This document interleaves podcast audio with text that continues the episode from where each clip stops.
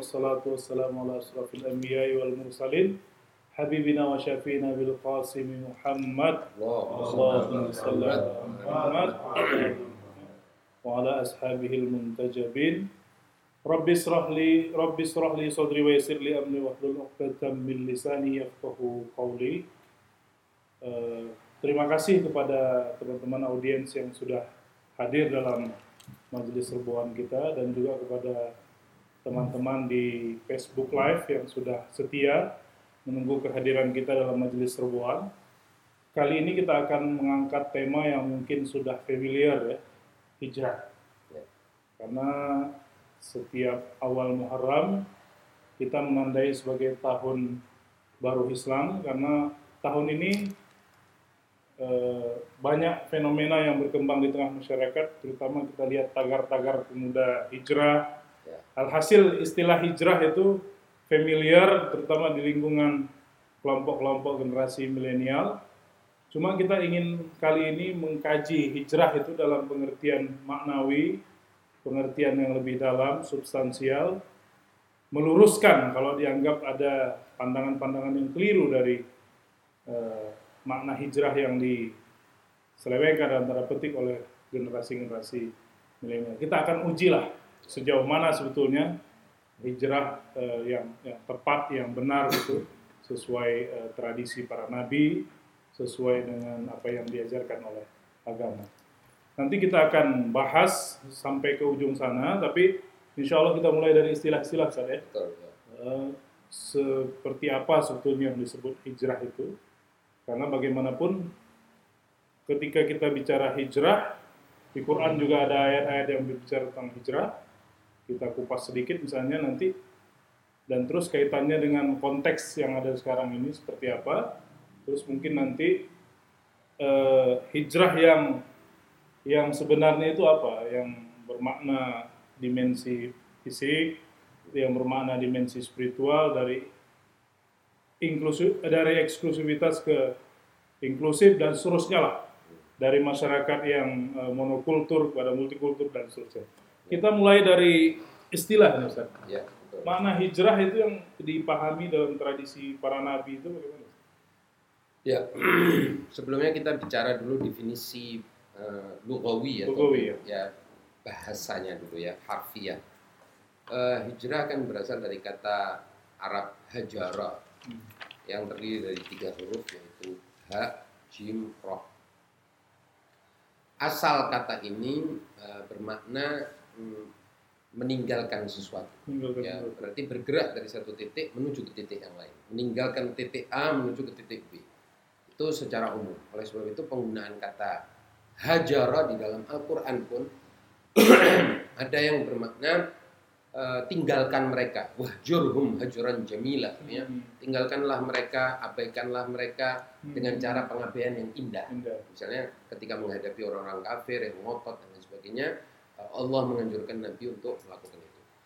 Ada juga eh, ayat lain yang menggunakan eh, kata hijrah ini dalam pengertian eh, waqala nabiyyu eh, eh, dan berkatalah Nabi eh, inna qaumi ittakhadhu hadzal qur'ana mahjura dan eh, berkatalah sang nabi yakni Nabi Muhammad sesungguhnya kaumku telah meninggalkan mengabaikan Al-Qur'an. Kata hajara juga dipakai. Hmm. Kan ittakhadhu hadzal qur'ana mahjura artinya ditinggalkan diabaikan.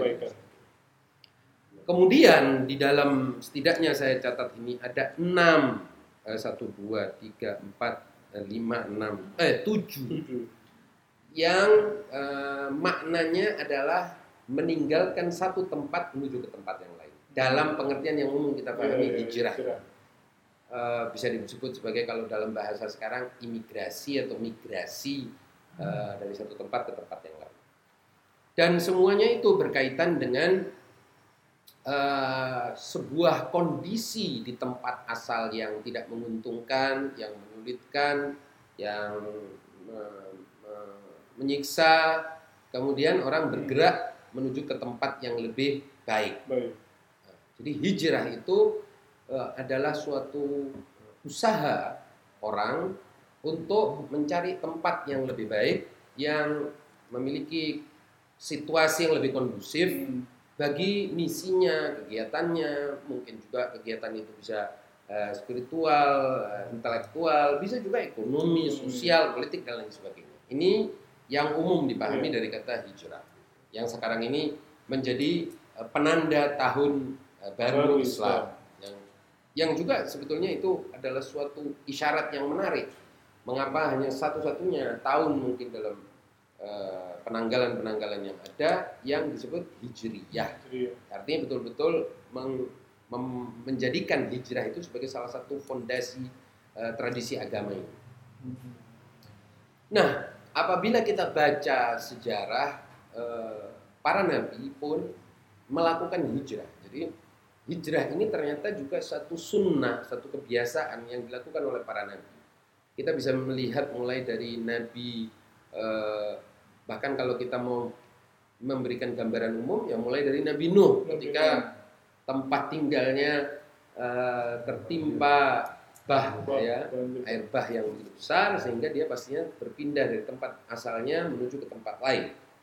Juga dialami oleh Nabi Ibrahim ketika dia berpindah dari Babilonia tempat asalnya menuju ke Makkah. Dan juga dialami oleh Nabi eh, Yusuf ya Hmm. yang berpindah dari wilayah Palestina sekarang menuju ke Mesir. Mungkin dengan berbagai macam sebab ya Hmm. dan motivasi hijrahnya mereka ini. Tapi kenyataannya bahwa mereka berhijrah. Begitu juga yang dialami oleh Nabi Musa ketika dia berhijrah dari Mesir Mesir. em, setelah mengalami masa cukup panjang bersama Firaun di istana dan Firaun menemukan tanda-tanda bahwa ini orang eh, katakanlah pemberontak ini Iya. eh, tidak bisa dikendalikan, dia kemudian menyelinap keluar dari istana dan kita tahu dalam cerita itu kemudian dia bertemu dua orang yang sedang eh, bertikai, kemudian menampar salah satunya, ya, menampar musuhnya dari Bani Israel, musuh Bani Israel itu kemudian mati, kemudian dia eh, dalam istilah Al-Quran adalah yataraqqabu khaifan itu artinya mengendap-endap dalam keadaan takut untuk keluar dari Mesir dan pergi ke daerah yang disebut dengan Madain Ada, ya. ya kan yang jelas keluar dari wilayah Mesir yang sekarang meskipun ada perbedaan di antara para mufassir tentang eh, lokasi persisnya Madain itu di mana koordinat apa Iya. geografisnya di mana tapi yang jelas itu adalah di luar wilayah Mesir Hmm. di sana dia bertemu dengan Nabi Shu'aib sebagaimana yang kita tahu ketahui dan kemudian menikah dengan salah satu putrinya dan eh, berkeluarga di sana. Ala kulli hal, hijrah ini eh, juga dialami oleh tentunya baginda eh, Nabi besar kita Muhammad Shallallahu Alaihi Wasallam yang berhijrah dari eh, Mekah. tanah kelahirannya Mekah menuju ke Madinah. Sebenarnya bahkan sejarah Islam, sejarah Rasul juga mencatat bahwa Nabi juga pernah mengutus sebagian sahabatnya untuk mencari tempat lain.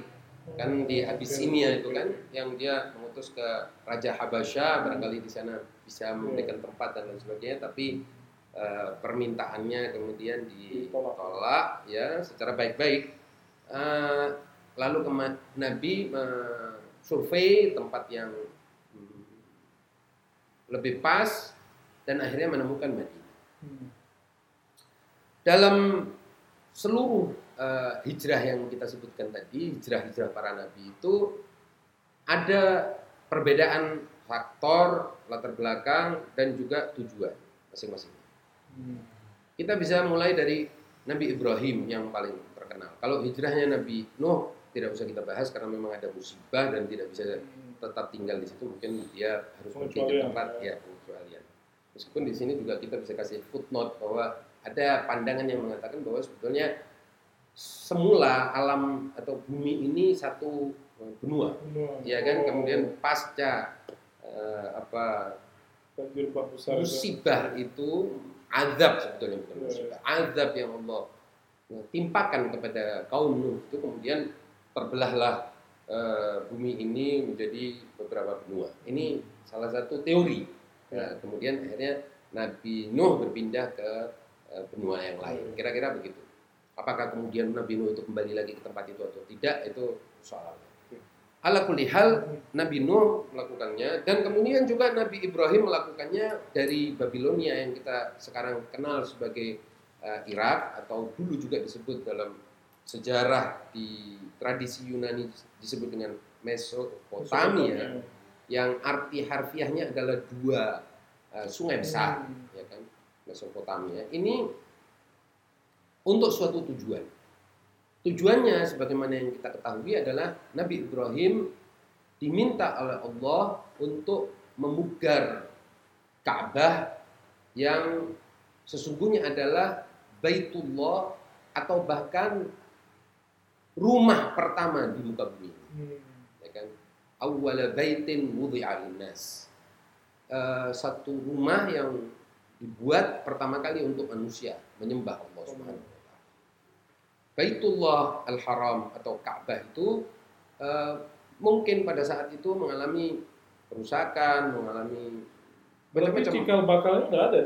Ada, sudah ada. Ada, Ya, dari sejak Nabi Adam. Kan Ka'bah itu tempat semua nabi pernah menyembah Allah Subhanahu wa taala. Nah, hmm, Bakkah atau Makkah itu mungkin pada saat itu Ka'bah yang ada di Makkah ketika itu mengalami eh, kerusakan, mengalami eh, apa namanya?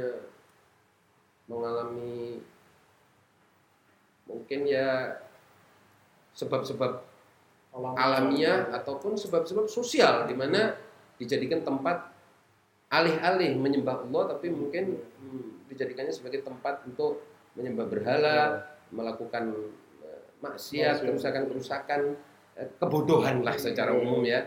Orang menyembah berhala itu kan sebenarnya perilaku bodoh. Nah, kemudian Nabi Ibrahim diminta oleh Allah untuk ke sana dan eh, memugarnya, memperbaikinya dan melakukan manasik yang kemudian kita kenal sebagai prosesi haji itu. Eh, upacara haji itu diawali oleh Nabi Ibrahim. Di situ dia melakukan ibadah-ibadah tertentu, kemudian pergi. Kita tahulah akhirnya peristiwa Zam-Zam ya, peristiwa Nabi Ismail lahir dan eh, macam-macam sofa, marwah, eh, mondar-mandirnya Hajar, Siti Hajar ke tempat itu sampai kemudian dia menemukan uh, putranya Ismail dalam keadaan uh, menangis dan menendang-nendang dan ada air yang tersedia. Ala hal itu itu uh, yang dilakukan oleh Nabi Ibrahim. Selain itu Nabi Ibrahim juga di tempat asalnya juga mengalami ke apa yang kita sekarang mungkin bisa sebut sebagai persekusi oleh penguasa Oke. karena dia baru saja melakukan penghancuran terhadap berhala-berhala yang kita sempat bahas juga Hmm. sebetulnya itu kan pendidikan akhir bagi orang yang tidak bisa diajak bicara dengan akal sehat Eh, level orang ini kan kadang-kadang komunikasi cukup menggunakan kata-kata tapi Iya. ada kalanya kalau kita berhadapan dengan orang yang tingkat kecerdasannya tidak terlalu baik yang sangat rendah dia perlu peragaan Hmm. dan Nabi Ibrahim memperagakan argumentasi rasional dan logisnya dengan meletakkan Me- kampak itu. ya. meletakkan kampanye dan menghancurkan apa yang dianggap oleh publik ketika itu sebagai pusat-pusat Pusat. kekuasaan dan kekuatan dan pemberi eh, rizki, pemberi Oh, kehidupan, pemberi eh, macam-macam. Nabi Ibrahim bilang ini enggak, enggak seperti itu. Awalnya argumentasi rasional Iya. tidak cukup, perlu diperagakan. Peragakan. Jadi per- pemeragaannya kemudian dengan cara menghancurkan itu. Sebenarnya itu nilai pendidikan yang ingin disampaikan oleh Nabi Ibrahim, bukan eh, kekerasannya, bukan Ya. budaya kekerasan yang ingin dibangun. Nah, kemudian dia hijrah. Begitu juga dengan yang dialami oleh Nabi Yusuf. Eh, Nabi Yusuf hijrah juga karena saudara-saudaranya memutuskan untuk menjauhkan Nabi Yusuf ini dari ayahnya yang mereka anggap telah melakukan diskriminasi Hmm. membedakan antara Nabi Yusuf dengan Nabi eh, Iya. dengan putra-putranya yang lain tanpa eh, pengetahuan dari para saudara ini tadi dari saudara-saudaranya bahwa Nabi Yusuf memang lain daripada yang lain bahwa dia adalah seorang nabi dan Nabi Yusuf itu eh, telah mendapatkan mimpi yang hak tentang siapa dirinya dan mimpi itu telah disampaikan ke ayahnya dan ayahnya meminta kepada dia memohon untuk tidak menyampaikan Tidak menyampaikan. akibat perasaan atau anggapan akan terjadinya diskriminasi maka saudaranya bersekongkol untuk membuang dia eh, sebagaimana yang kita ketahui ke sumur dan kemudian dia diangkut oleh para eh, kafilah ya pedagang ketika itu ke tanah Mesir. Ini juga proses hijrah. Iya. Kemudian kita tahu juga Nabi Musa sebagaimana tadi yang sudah saya sebutkan dan juga Rasul Alaihi Wasallam. Nah di antara semua ini macam-macam faktor hijrah. Hijrah. Ya. Jadi kalau dalam tradisi para nabi hampir bisa kita pastikan tujuan hijrah berdimensi ilahiyah gitu ya. Betul. Ya, Ya, Jadi membangun, memperbaiki Ka'bah, memperbaiki kerusakan misalnya dalam masyarakat. Ya, memperbaiki eh, kerusakan, me- memiliki misi ilahi, Hmm. sekaligus juga keluar dari tempat di mana mereka itu dikepung, dipersekusi, dipersekusi Dipersekusi, dan mengalami penindasan Hmm. dan penyiksaan. Misalnya kita bicara tentang Rasulullah SAW yang menjadikan hijrah sebagai sebuah sebetulnya bahkan bukan hanya tradisi para nabi tapi ini tradisi umat manusia Hmm. sebagai suatu perilaku yang menyatu Hmm. dengan peradaban agama ini, iya. budaya agama ini, dengan fakafah diniyah Islam, dengan budaya agama. Islam. Hmm. Kita lihat bahwa Rasul SAW telah mengupayakan dengan cara-cara super damai Hmm.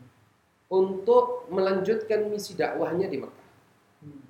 Hmm. Cara-cara yang beradab. Hmm. Orang sekarang menyebutnya cara-cara demokratis, cara-cara yang sesuai dengan HAM, Hmm. cara-cara yang sesuai dengan konvensi-konvensi yang disepakati, tetapi beliau gagal. Gagal bukan beliaunya yang gagal, tapi masyarakatnya tidak menerima. menerima cara-cara damai itu. Maka masyarakat ketika itu, masyarakat di Mekah ketika itu terus melancarkan agresi Hmm. kepada Nabi dan para pengikut Nabi. Bahkan mereka sudah sampai pada suatu tingkat di mana mereka tidak lagi bisa menerima ajakan sekedar ajakan itu saja. Mau tidak mau mendengar lagi ajakan itu Iya. maunya segera ini eh, ditutup, segera misi Nabi ini dibungkam, dan Nabi diusir dari eh, Makkah. Nah, hijrah Nabi itu apabila kita lihat dimulai dengan sebuah planning, Hmm. ya rencana. Makanya detail hijrah Nabi itu berbeda dengan hijrah nabi-nabi yang lain. Ada Kita- manajemennya ya. Nah, ada manajemennya. Dimulai dengan melakukan survei dulu, survei tempat-tempat Oke, yang oke. menjadi eh, apa calon tempat tinggal baru ini. Survei, setelah melakukan survei, mengirim orang, mengobservasi lapangan, Hmm. dan mereka melaporkan kepada Nabi. Dalam tahap seleksi ini tadi, kemudian Nabi menemukan bahwa Madinah ini yang paling Hmm. ideal. Nah, sekarang kita bertanya, mengapa Nabi memilih akhirnya memilih Madinah dan bukan tempat-tempat Betul. lain? Kita lihat masyarakat Mekah itu masyarakat yang monokultural, ya, masyarakat yang eksklusif, masyarakat yang tidak bisa menerima perbedaan. Hmm. Dan sebetulnya apabila kita mau menyimpulkan dalam dua tiga kalimat kenyataan masyarakat Madinah, eh maaf. Mekah, maka kita bisa katakan bahwa masyarakat Mekah itu masyarakat yang eksklusif, intoleran dan monokultural. Kultural. Oke. Sedikit ditambahkan di situ rasisme. Tidak bisa menerima unsur asing, mungkin xenofobia atau apa. Ya, fobia terhadap yang asing, yang baru, yang eh, Nah, ini masyarakat yang sangat tertutup. Iya. Tertutup dan tidak mampu berinteraksi dengan ajaran baru, ide baru, budaya baru, bahkan tidak bisa juga menerima suku baru. Nah, oleh sebab itu misalnya di Madinah itu praktis masyarakatnya satu warna. Makkah tadi maksudnya. Eh, maaf. Maka itu satu warna. Ajarannya pun tidak ada selain ajaran jahiliyah itu. Nah, ini sebetulnya salah satu mengapa disebut sebagai jahiliyah, tempat Oh, sumber jahiliyah. sumber jahiliyah. Karena kejahilan, kebodohan itu dia tidak bisa menerima perbedaan. Ya, Iya, makanya kalau kita berdialog dengan orang bodoh, susah betul meyakinkan dia tentang pendapat yang berbeda atau pendapat baru. Akan susah. Dia akan menolak. Kemudian tumbuh di dalam masyarakat yang bodoh itu tadi fanatisme. Fanatisme. Fanatisme kepada uh, ajaran-ajaran nenek moyangnya, fanatisme kepada cara-cara hidupnya, fanatisme terhadap keyakinan-keyakinannya, fanatisme terhadap budayanya, eh, pola-pola interaksi sosialnya, pola-pola interaksi, pola-pola apa sistem politiknya, nilai-nilai sistem politiknya, eh, perdagangannya dan lain sebagainya. Nah, Karakter masyarakat Madinah kebalikan hari ini. karakter masyarakat Madinah berkebalikan Kebalikan. daripada apa yang ter- ada di Makkah. Nah, masyarakat Madinah di dalamnya ada berbagai suku. Juga berkembang berkembang di sana tradisi agama-agama lain. Apakah itu Yahudi yang paling besar selain Arab, ya sukunya juga, agamanya juga, dan ada interaksi yang lebih eh, toleran Toleran. terhadap Perbedaan. perbedaan. Kalau bahasa sekarang mungkin lebih pluralistik dibandingkan dengan Madinah yang eh, monokulturalis, gitu tadi. lebih multikultural. Di masyarakat Madinah, eh, Nabi melihat bahwa masyarakat ini sudah mendengar tentang adanya ajaran samawi, tentang tauhid, tentang adanya nabi-nabi sebelum ini, tentang adanya wahyu yang turun kepada nabi-nabi sebelumnya. Dan semua itu mereka dengar orang-orang Arab asli, katakanlah pribumi eh, Madinah telah mendengar itu dari orang-orang Yahudi maupun Nasrani yang lalu lalang Ya. eh, hingga apa eh, mampir transit di situ. Dan mereka lah yang disebut di dalam Al-Quran dengan ahlul kitab, yaitu mereka yang memiliki kitab bacaannya lebih luas. Di Makkah ahlul kitab ini mampir untuk berdagang saja, tapi menetap tidak. Karena itu tadi kondisi masyarakatnya, karakteristik masyarakat Mekah yang fanatik, eksklusif, tadi kan. rasis dan eh, tidak punya apa ya pola penyelesaian masalah kecuali dengan perang, dengan kekerasan. Masyarakat Jahiliyah. gitu ya. jahiliyah. Nah, sementara di Madinah masyarakat itu sudah lebih terbuka, lebih beradab, lebih mampu menerima perbedaan-perbedaan, bahkan ada agama-agama, baik agama-agama lokal ya kata sebutlah seperti itu, agama-agama khas Arab maupun eh, agama-agama samawi Iya, Yahudi. yang eh, waktu itu dipegang oleh ahli kita. nah, karena itulah kemudian Nabi memilih ini tempat yang ideal untuk memulai dakwah. dakwah secara terbuka dan di samping itu juga pada saat Nabi di Mekah pun telah menerima utusan-utusan dari Madinah yang welcome kepada kedatangan Nabi ya yang bahkan meminta Nabi segera pindah Nabi dan para sahabatnya dan keluarganya para eh, muslimin awal itu untuk pindah ke eh, Madinah Madinah. Tapi itu kan setelah berapa? 13 tahun. setelah 13 tahun. Artinya uji coba untuk experience itu udah cukup lah ya. Sudah untuk cukup. mencerahkan masyarakat Mekah ini ya. Betul.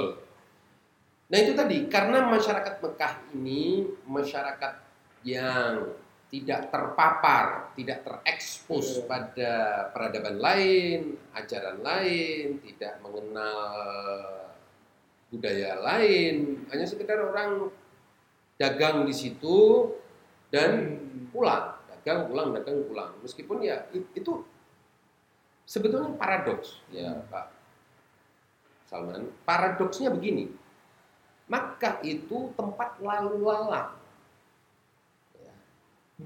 Karena ada Ka'bah. Ka'bah, ini sejak ribuan tahun, sejak Nabi Ibrahim bahkan sebelumnya telah menjadi tempat ziarah orang, tempat orang menyembah Allah di situ. Tetapi di situlah paradoksnya.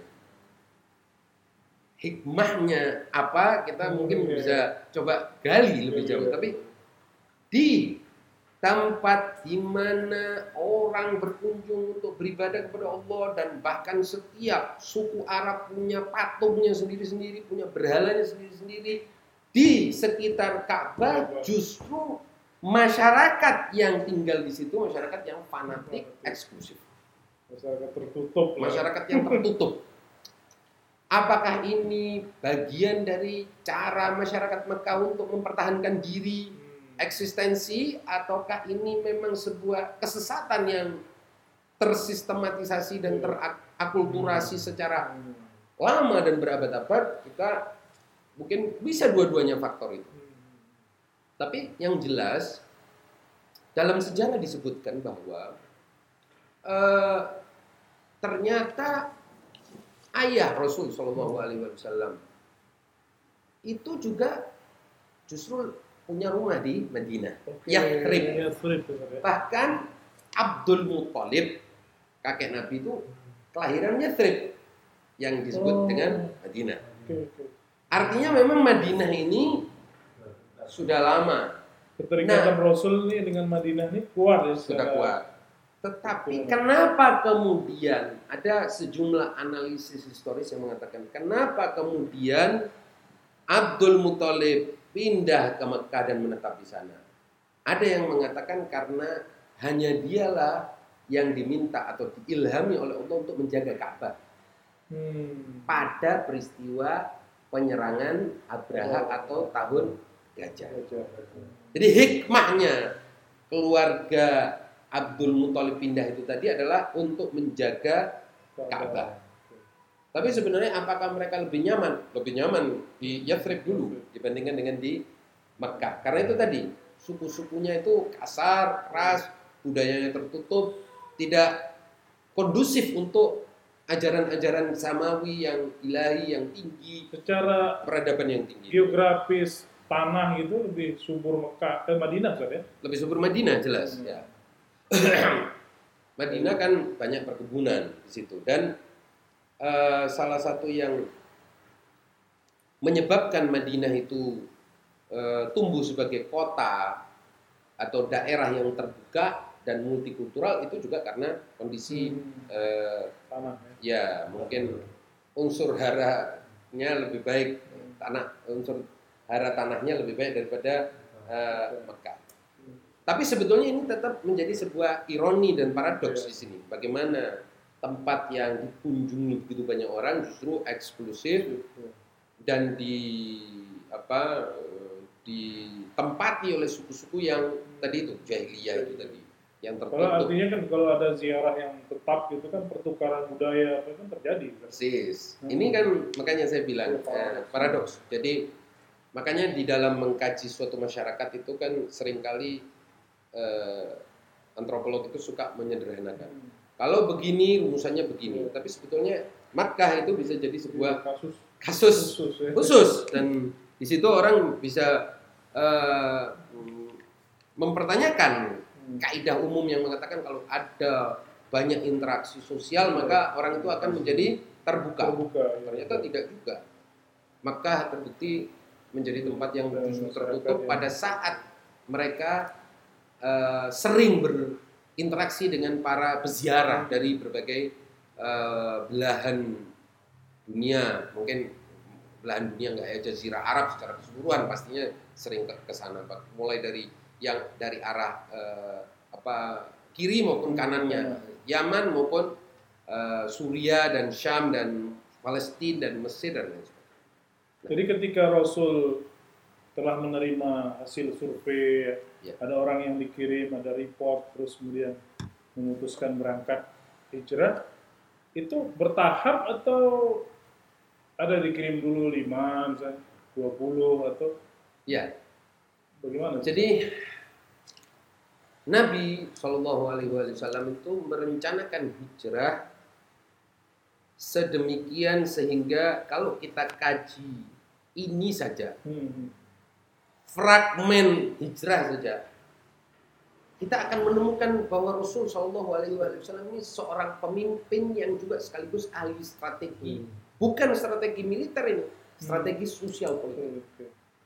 Oh, Nabi pertama melihat penerimaan masyarakatnya. Hmm, Kan tadi saya bilang ada gelombang utusan yang datang dari penduduk Madinah untuk menemui Nabi di Mekah. Setelah itu Nabi mengirim kelompok Hmm, muhajir gelombang pertama ke sana. Lihat, balik lagi mereka dengan kabar yang baik. Wah, kondisi bagus. Apa situasi hmm. memadai, situasi mendukung Dukung. untuk kedatanganmu wahai Rasul. Nabi mengutus lagi survei yang kedua. Survei beberapa kali survei. Sampai kemudian Nabi memutuskan berangkat itu di dua momen. Pertama momen ketika seluruh suku-suku Arab bersepakat suku-suku Arab di Mekah bersepakat untuk membunuh Nabi. Ini momen yang pertama. Oh, tidak bisa lagi Nabi bertahan di Mekah. Jadi Nabi kalau bertahan di Mekah semalam saja, maka pemuda-pemuda dari berbagai suku yang di Mekah telah bersepakat untuk membunuh Nabi, bersekongkol. Karena kan Mekah dan Arab secara keseluruhan itu kan menggunakan sistem kekabilahan, kesukuan. Biasanya kalau satu suku membunuh suku lain, maka akan terjadi pertempuran di antara suku ini tidak ada habis-habisnya.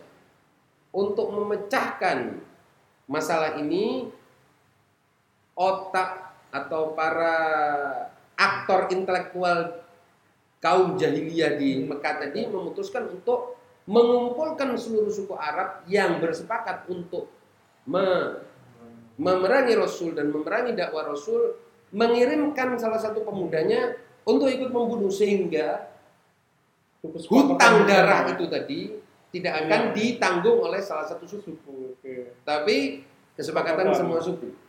Ini juga mengikat kebencian, mengikat permusuhan dengan darah. Nah, ini momen yang pertama. Hmm. Momen yang kedua adalah Nabi juga sudah melihat bahwa Madinah sudah kondusif dan elektabilitas Nabi meningkat tajam sehingga kalau dia pergi ke sana keadaan akan menyambut dan terbukti Ya, betul. makanya ada al Badru. badru alaina di mana penduduk Madinah mulai dari awal atau pintu masuk Madinah telah menyambut kedatangan Rasul Shallallahu Alaihi Wasallam sampai mereka berebut eh, Nabi untuk ke rumahnya eh, apa me- me- meminta Nabi untuk menghormati mereka untuk mampir ke rumahnya dan dan berderet orang menyambut berjejer orang menyambut dari mulai sebelum masuk ke pintu Madinah tersebut. Ya, ya, ya. Nah, ini dua momen ini menunjukkan bahwa Nabi itu bekerja dengan satu rencana yang terukur, sistematis. ya, betul. dan juga strategis. Orang sering kan mencontoh Rasul Shallallahu Alaihi Wasallam nyontoh fenomena-fenomenanya, Hmm. tapi tidak melihat bahwa Nabi itu melakukannya dengan sebuah planning yang benar. Ini yang pernah kita bahas Iya, dulu iya. dengan hukum-hukum takwini. Takwini. Tidak bisa orang itu melakukan sesuatu mengabaikan hukum-hukum takwini, di mana di antara hukum takwini kehidupan sosial adalah kesepakatan, Kata. penerimaan, legitimasi, Iya. ini elektabilitas, eh, apa namanya konvensi yang berlaku, konsensus, ini semuanya pendukung bagi apa pun yang sedang kita rencanakan. Bahkan itu rencana ilahi sekalipun Iya. membutuhkan kepada kondisi-kondisi Syarat-syarat mengikuti hukum-hukum takwini tersebut. Jadi dua momen ini memang eh, tepat gitu ya. Tepat. Nah, Mau dibunuh. Di satu sisi. masyarakat siap. Nabi melihat bahwa tidak mungkin lagi beliau bertahan di Mekah. Selain masalah sudah mereka lakukan apa? Boykot pada Nabi. Hmm. Sampai kita tahu eh, anggota suku Bani Hashim yang Hmm. tinggal di, di Mekah ketika itu kelaparan. Iya. Anak-anak mudanya, anak-anaknya, istri-istri apa para perempuannya mengalami kelaparan karena boykot dari penduduk Makkah terhadap Bani Hashim yang ada di Syaib Abu. Talib. Ini berlangsung cukup lama. Tapi Nabi mengapa bertahan di Mekah? Di sini menunjukkan bahwa Nabi itu seorang nasionalis sejati. Oleh sebab itu, Kak, pada saat beliau keluar dari Mekah, beliau meneteskan air mata melihat dari kejauhan Mekah. Dan beliau mengatakan kepada Mekah, kalau sekiranya bukan karena pendudukmu, aku sungguh tidak akan meninggalkan. Itu kecintaan Nabi kepada tanah airnya. Dan itu direkam dalam eh, ucapan Nabi yang terkenal itu. Bahwa Nabi mengatakan, ungkapannya mengatakan bahwa sekiranya bukan karena pendudukmu, perilaku pendudukmu, maka aku tidak akan pernah meninggalkanmu. Tanah kelahiran. Nah, ini juga pelajaran yang berharga sekali. Dan nanti kita mungkin bisa sampaikan itu dalam Pelajaran berharga untuk Haris yang mau ke Australia. Nah, betul. Itu misalnya saya sampaikan dalam eh, tulisan di ganaislamika.com dengan judul eh, nasionalisme dipandang dari sudut pandang etika agama, etika Islam. Hmm. Bahwa Rasulullah mengajarkan itu kecintaan. Artinya dia sudah mati-matian berusaha untuk bertahan. Sampai ternyata memang kesepakatan penduduk Makkah ini kesepakatan dulu yang sebetulnya tidak bisa kita sebut sebagai kesepakatan tapi persekongkolan konspirasinya ini yang dijahit oleh para eh, benggolan eh, kufar Quraisy ya eh, pentolan-pentolannya ini ter apa realisasi dan sampai pada tingkat mau menghabisi nyawa Rasul. Makanya kita Dan itu kena terbukti ya. oleh sebab itu kita tahu bahwa Imam Ali ketika Rasulullah berangkat pun Imam Ali Menggantikan tidur. ya tidur di ranjang Rasul di rumahnya kemudian para pemuda ini masuk melihat membuka apa selimut eh, yang menutupi Imam Ali dan mereka terkejut ternyata Rasulullah telah keluar dari rumah.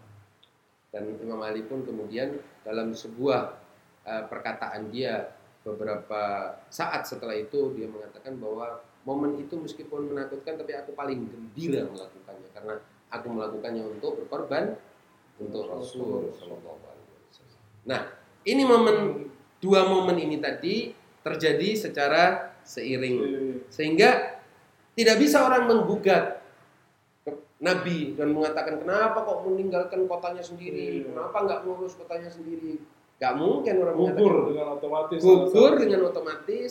Nabi sudah me- apa namanya mengusahakan selama 13 tahun dengan cara dakwah eh, sembunyi-sembunyi, eh, dakwah terang-terangan, kemudian Boykot. menghadapi pengucilan, isolasi, boykot, dan kemudian juga menghadapi persekongkolan untuk membunuhnya. Di samping juga Nabi melihat bahwa ke kalau Nabi melanjutkan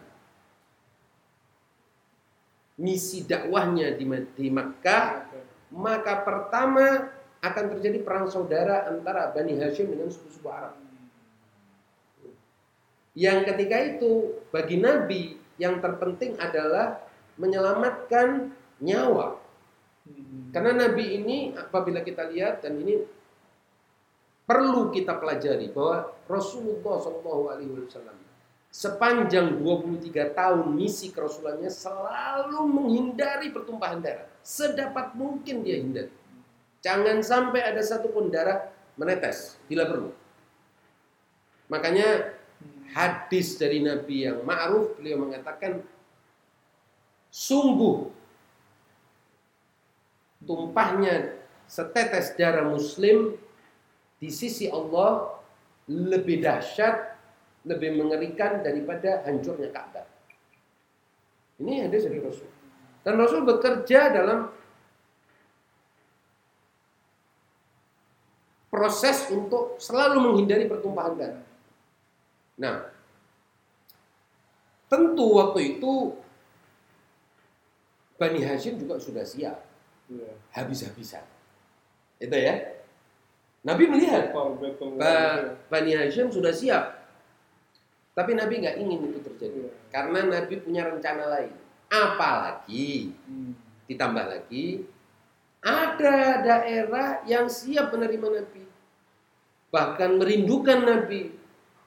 Dan daerah ini memiliki situasi kondisi sosial dan budaya yang lebih siap untuk menerima ajaran-ajaran baru, ajaran-ajaran samawi, tauhid, nubuah, dan di situ ada kelompok-kelompok masyarakat yang berbeda-beda yang di antaranya adalah ahlul kitab yang telah me- menerima dan me- bahkan meng, meng- apa ya bahkan mereka ini kan orang Yahudi ini betul-betul sering menyebarkan berita gembira akan datangnya sosok yang menjadi nabi terakhir ini.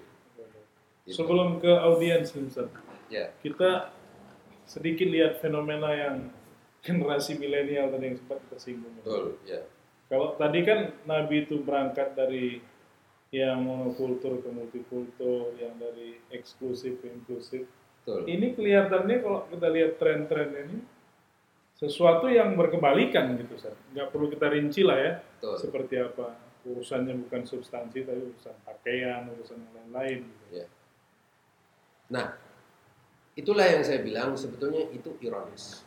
Dan salah satu tadi saya ingin mengangkat tema hijrah ini karena saya melihat fenomena justru orang mengajak atau gerakan yang disebut dengan pemuda hijrah itu mengajak orang dari suasana pergaulan yang Iya.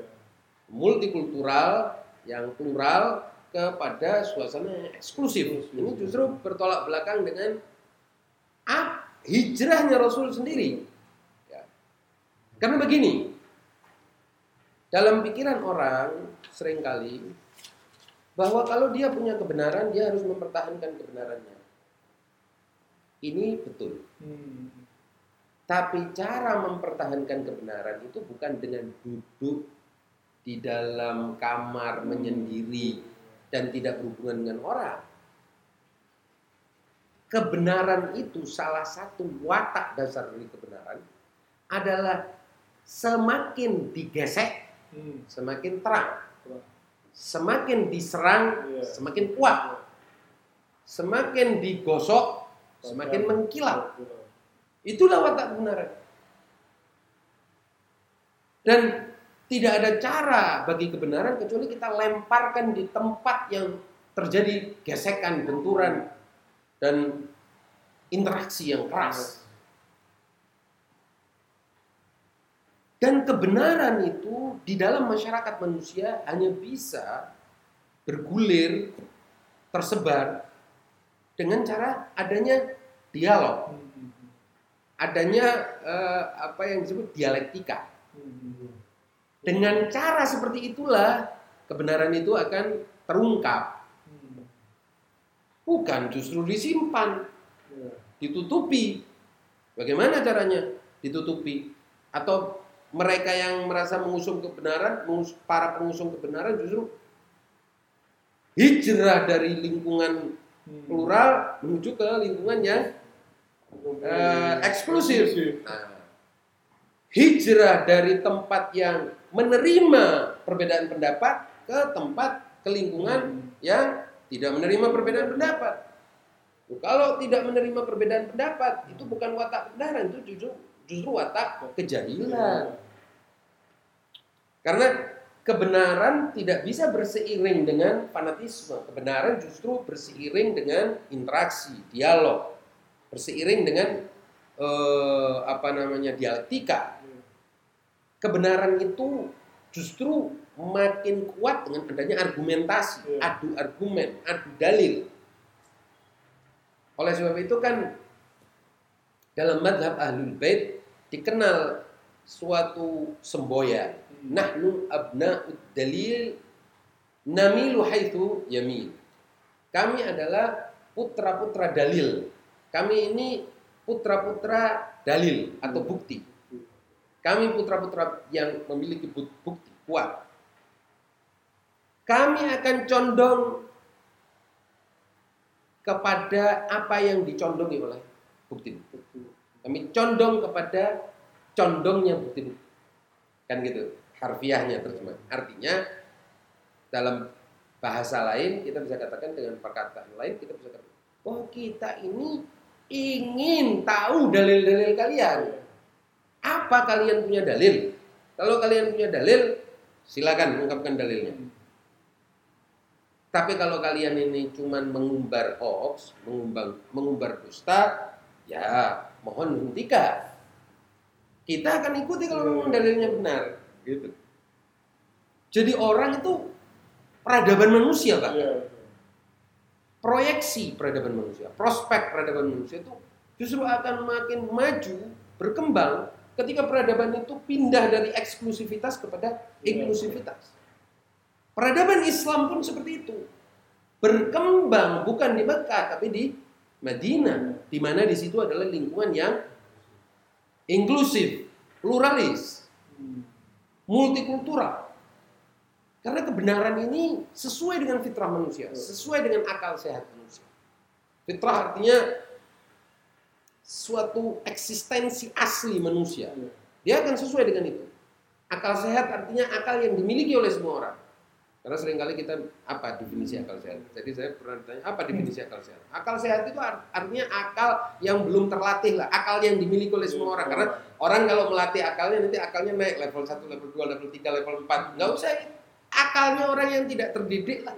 Akalnya orang yang belum terasah. Akalnya orang yang nggak punya latihan logika, filsafat dan perdebatan. Akalnya semua orang ini condong kepada benar dengan berbagai derajatnya kebenaran.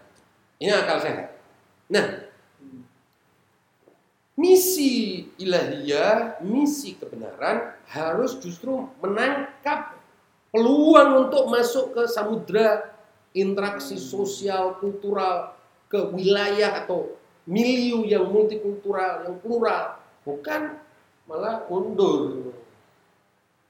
Berkebalikan dengan Berkebalikan dengan makna hijrah dan misi hijrah Rasul Shallallahu makna- Alaihi Wasallam. Sebagaimana juga yang menarik Pak Iya. Salman, kita harus ingat bahwa di bulan Muharram ini juga adalah bulan kesyahidan Abi Abdullah Al Husain ibn Ali bin Abi Thalib. Hmm. Kalau Nabi melakukan hijrah dari Mekah ke Madinah karena dua momen Iya. tadi, maka kita melihat juga Imam Husain melakukan hijrah ke Kufah karena dua momen. Yaitu ketika dia telah dipaksa oleh penguasa Madinah ketika itu untuk berbayat kepada Yazid. Dan Imam Husain tidak mau ada pertumpahan darah di Madinah. Sama seperti Nabi tidak mau ada pertumpahan darah di Mekah. Nabi ini tadi selain tidak mau pertumpahan darah secara keseluruhan, tapi juga Nabi tidak mau pertumpahan darah khususnya di Mekah Karena Mekah itu adalah al-haram. Haram di dalamnya ada pertumpahan darah. Nabi menghargai kehormatan kota Mekah itu. Yang sampai kapan pun tidak mau ada pertumpahan darah. Kalau oleh sebab itu ketika Fatah Makkah Nabi mengupayakan sedemikian rupa sehingga tidak terjadi pertumpahan darah. Bahkan melarang orang untuk menghunuskan pedang ketika membuka Makkah. Karena penghormatan Nabi terhadap Makkah. Karena di situ ada Baitullah, rumah Allah. Seperti itu juga lah. Dan karena itu kemudian Nabi melihat ada konspirasi untuk membunuh Nabi. Dan kalau itu terjadi berarti akan terjadi pertumpahan darah yang mungkin ratusan tahun atau ribuan tahun. Kita nggak tahu. Atau mungkin memakan korban ribuan orang dan mungkin korban itu bisa datang dari mana-mana. Dan terjadinya di Mekah untuk menghindari itu Nabi keluar. Di samping juga Nabi melihat ada sambutan, ada ajakan, ada permintaan. Ada demand untuk Nabi keluar dari Begitu juga yang dilakukan oleh Imam Hussein. Hijrahnya adalah keluar dari tempat yang dia sakralkan Madinah, yang dia hormati. Di situ adalah ada kuburan Rasul SAW untuk pergi ke Kufah. Juga karena di sana ada sambutan, ada permintaan. Mohon pimpin kami. Ribuan surat datang kepada Imam Hussein untuk memimpin Kufah sebagai ibu kota uh, kekuasaan Islam ketika itu, pemerintahan Islam ketika itu. Dan bayangkan kalau Imam Hussein ketika itu tidak keluar dari Madinah sudah ada dan termaktub dalam sejarah. Hmm, hmm. Baik itu sejarah seperti Ibnu Katsir, At-Tabari, Ibn Al-Athir, uh, dan lain sebagainya, uh, Syiar A'lamin Nubala, disebutkan bahwa Yazid sudah merencanakan untuk membunuh Imam Hussein apabila dia menolak baiat di Madinah. Kenapa? Karena Meng Yazid khawatir akan menjadi presiden penolakan yang lain. karena menghargai Madinah dan tidak ingin ada pertumpahan darah di Madinah. Satu, juga karena ada yang mau menyambut kota yang lebih multikultural dan lebih plural, maka dia pindah ke hijrah ke Kufa. Oleh sebab itu dikenal kemudian ada al-hijratun nabawiyah atau hijrah nabawi dan ada al-hijratul husainiyah artinya hijrah Husain. Gitu. Nah, dua-dua hijrah ini memiliki watak yang sama yaitu keluar dari tempat yang eksklusif ke tempat yang lebih besar. Keluar dari wilayah yang sempit menuju wilayah yang lebih besar. Kenapa? Karena orang yang membawa kebenaran itu nggak takut dengan kebenaran, nggak takut dengan perbedaan, justru senang dengan perbedaan. Minimal dia mau menguji kebenarannya ini benar nggak. Kalaupun benar, kan akan terkonfirmasi. Dengan apa? Dengan terlihat lemahnya bukti-bukti lawan. Kan gugurnya bukti-bukti lawan mengkonfirmasi kuatnya bukti-bukti yang ada pada kita. Nah kalau kita tidak kita tidak berani dialog, tidak berani berdialektika, tidak berani berinteraksi dengan yang lain, bahkan mundur mau mencari yang eksklusif seperti para pemuda ya. membatasi diri, mengurung diri, pakai pakaian-pakaian yang menunjukkan bahwa dia ini eksklusif, kelompok ini berbeda dengan kelompok yang lain. Lah ini bukan orang yang mengusung kebenaran, ini orang yang mengusung fanatisme, orang yang mengusung penguatan identitas. Dan biasanya ini adalah orang-orang yang lemah dalilnya. Hmm seperti lemahnya dalil orang-orang kafir Quraisy yeah. yang ketika itu nggak mau ada nabi ngomong terus ini kalau ngomong terus tentang tauhid tentang hari kebangkitan orang nanti lama-lama betul pindah ajaran. Udah ini harus dihabisin harus diusir ini saya kira yang bisa kita mungkin saya uh, lempar ke audiens mungkin ada yang perlu bertanya atau silakan Pak Haris mungkin. Silakan. Ini Haris biasanya kalau pengamat generasi milenial misalnya. Jadi kan dia sering share ke saya misalnya eh, yang dicenderungi oleh kelompok pemuda hijrah ini ya ustadz-ustadz tertentu lah, ustadz-ustadz XXX yang Ya. biasanya dikasih video-video singkat, kata-kata hikmah. Jadi kurang suka yang dalam-dalam gitu. Itu gimana Pak Haris? Ya. Jadi saya mau tanya ya, Ustaz, ya? Kalau kita lihat di beberapa medsos ini kan makna hijrah itu kok terlalu sederhana gitu ya. Kita lihat misalkan di kalangan artis-artis ini ya kan, kemudian dia katakan hijrah ketika dia meninggalkan profesi keartisannya. ya kan? Kemudian yang dulunya musisi dia menghilangkan profesi sebagai musisi. Jadi ya, ya itu betul seperti Ustaz katakan tadi. Ini apakah hijrah itu? yang mereka apa konsepsikan ini kok malah kok menuju menuju lorong yang Sempit. eksklusif Ya. kok malah dia keluar dari keprofesiannya dengan alasan karena meninggalkan larangan-larangan Allah. Kan Kira-kira begitu. ya. Ya. Jadi begini, kalau menurut saya fenomena hijrah dari pergaulan menuju apa isolasi diri. Atau hijrah dari komunitas yang plural menuju kepada komunitas Komunitas yang yang eksklusif. atau hijrah dari hiruk pikuk dialektika dan dialog menuju sepinya monolog dan wacana sat tunggal jadi hijrah dari ragam wacana atau multi wacana Iya. ke Mono, mono wacana ini sebenarnya hijrah yang tersesat. Hijrah yang tidak sesuai dengan hakikat hijrahnya Rasul Shallallahu Alaihi Wasallam. Dan hijrahnya para nabi. Karena hijrah itu tradisi para nabi dan ini berasal dari pandangan bahwa agama ini mengajak kepada kesempitan Hmm. jadi kalau orang beragama tapi tidak mengalami kesulitan ini bukan beragama padahal Iya. Apa katanya Allah Subhanahu wa taala? Allah berfirman dalam surat eh, Al-Baqarah yang diawali dengan kutiba alaikumus syiyam kama kutiba alal ladzina min qablikum la'allakum? Itu Allah menyebutkan apa? Yuridullahu bikumul yusra wa la yuridu bikumul usra. Allah itu menginginkan kemudahan bagi kalian dan tidak menginginkan kesulitan. Jadi agama bukan datang untuk mempersulit, ngerecoki naudzubillah. Loh. Nah, pandangan agama seperti ini, ini datang dari mana? Dari ma'rifatullah yang keliru.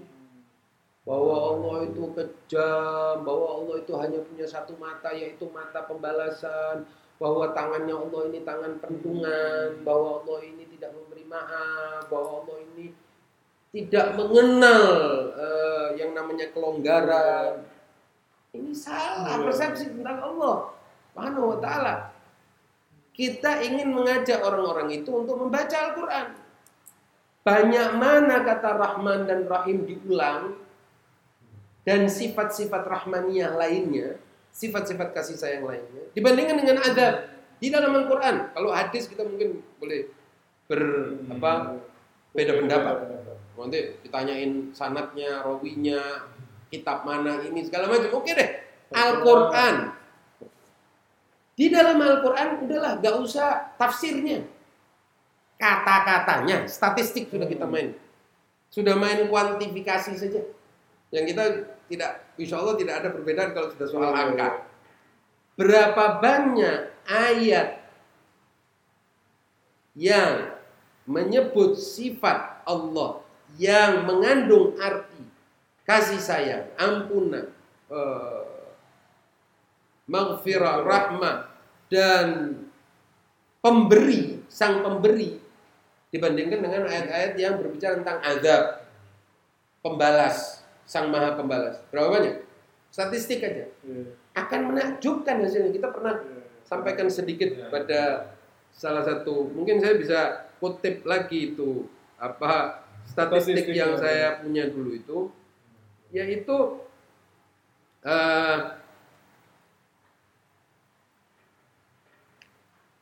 apa Ayat-ayat kasih sayang.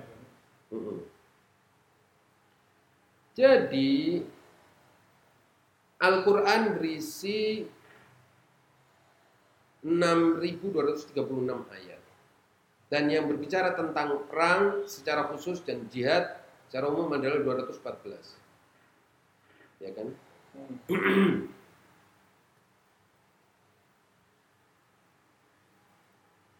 ada 201 ayat yang berbicara soal rahmat.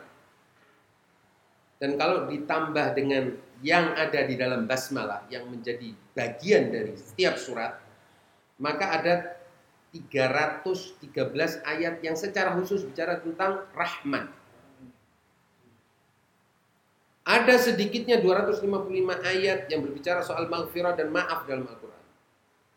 Ya kan? Ada 117 kali Allah bicara tentang balasan. Hmm. Dibandingkan dengan 313, 255, balasan itu ada 117. Tapi bicara tentang ampunan ada 234 kali.